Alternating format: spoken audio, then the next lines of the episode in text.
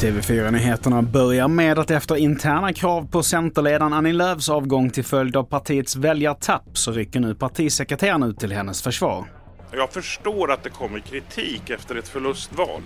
Men min uppfattning och min bild det är att Annie Lööf har ett väldigt starkt stöd i Centerpartiet. Många är imponerade över den starka valrörelse som hon har genomfört. Och i inslaget så hörde vi Centerns partisekreterare Mikael Artursson.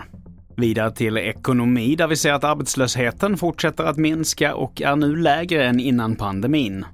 Samtidigt så vill Arbetsförmedlingen höja ett varnande finger att vi är på väg mot tuffare tider. Och när konjunkturen vänder så påverkar det arbetsmarknaden och kan påverka olika branscher olika mycket. Och en grupp som dock brukar drabbas hårt är ungdomar som ofta har tillfälliga anställningar. Och till sist, enligt brittiska medier så väntas en miljon britter till Westminster Hall i London där drottning Elizabeth ska ligga på en så kallad lide parade i fyra dagar. Kistan med hennes kvarlevor nådde igår kväll Buckingham Palace och gatorna kantades redan då av tusentals människor som kommit för att ta ett sista farväl. Och senare idag så kommer kistan flyttas till Westminster Hall. Fler nyheter hittar du på tv4.se. Jag heter Mattias Nordgren.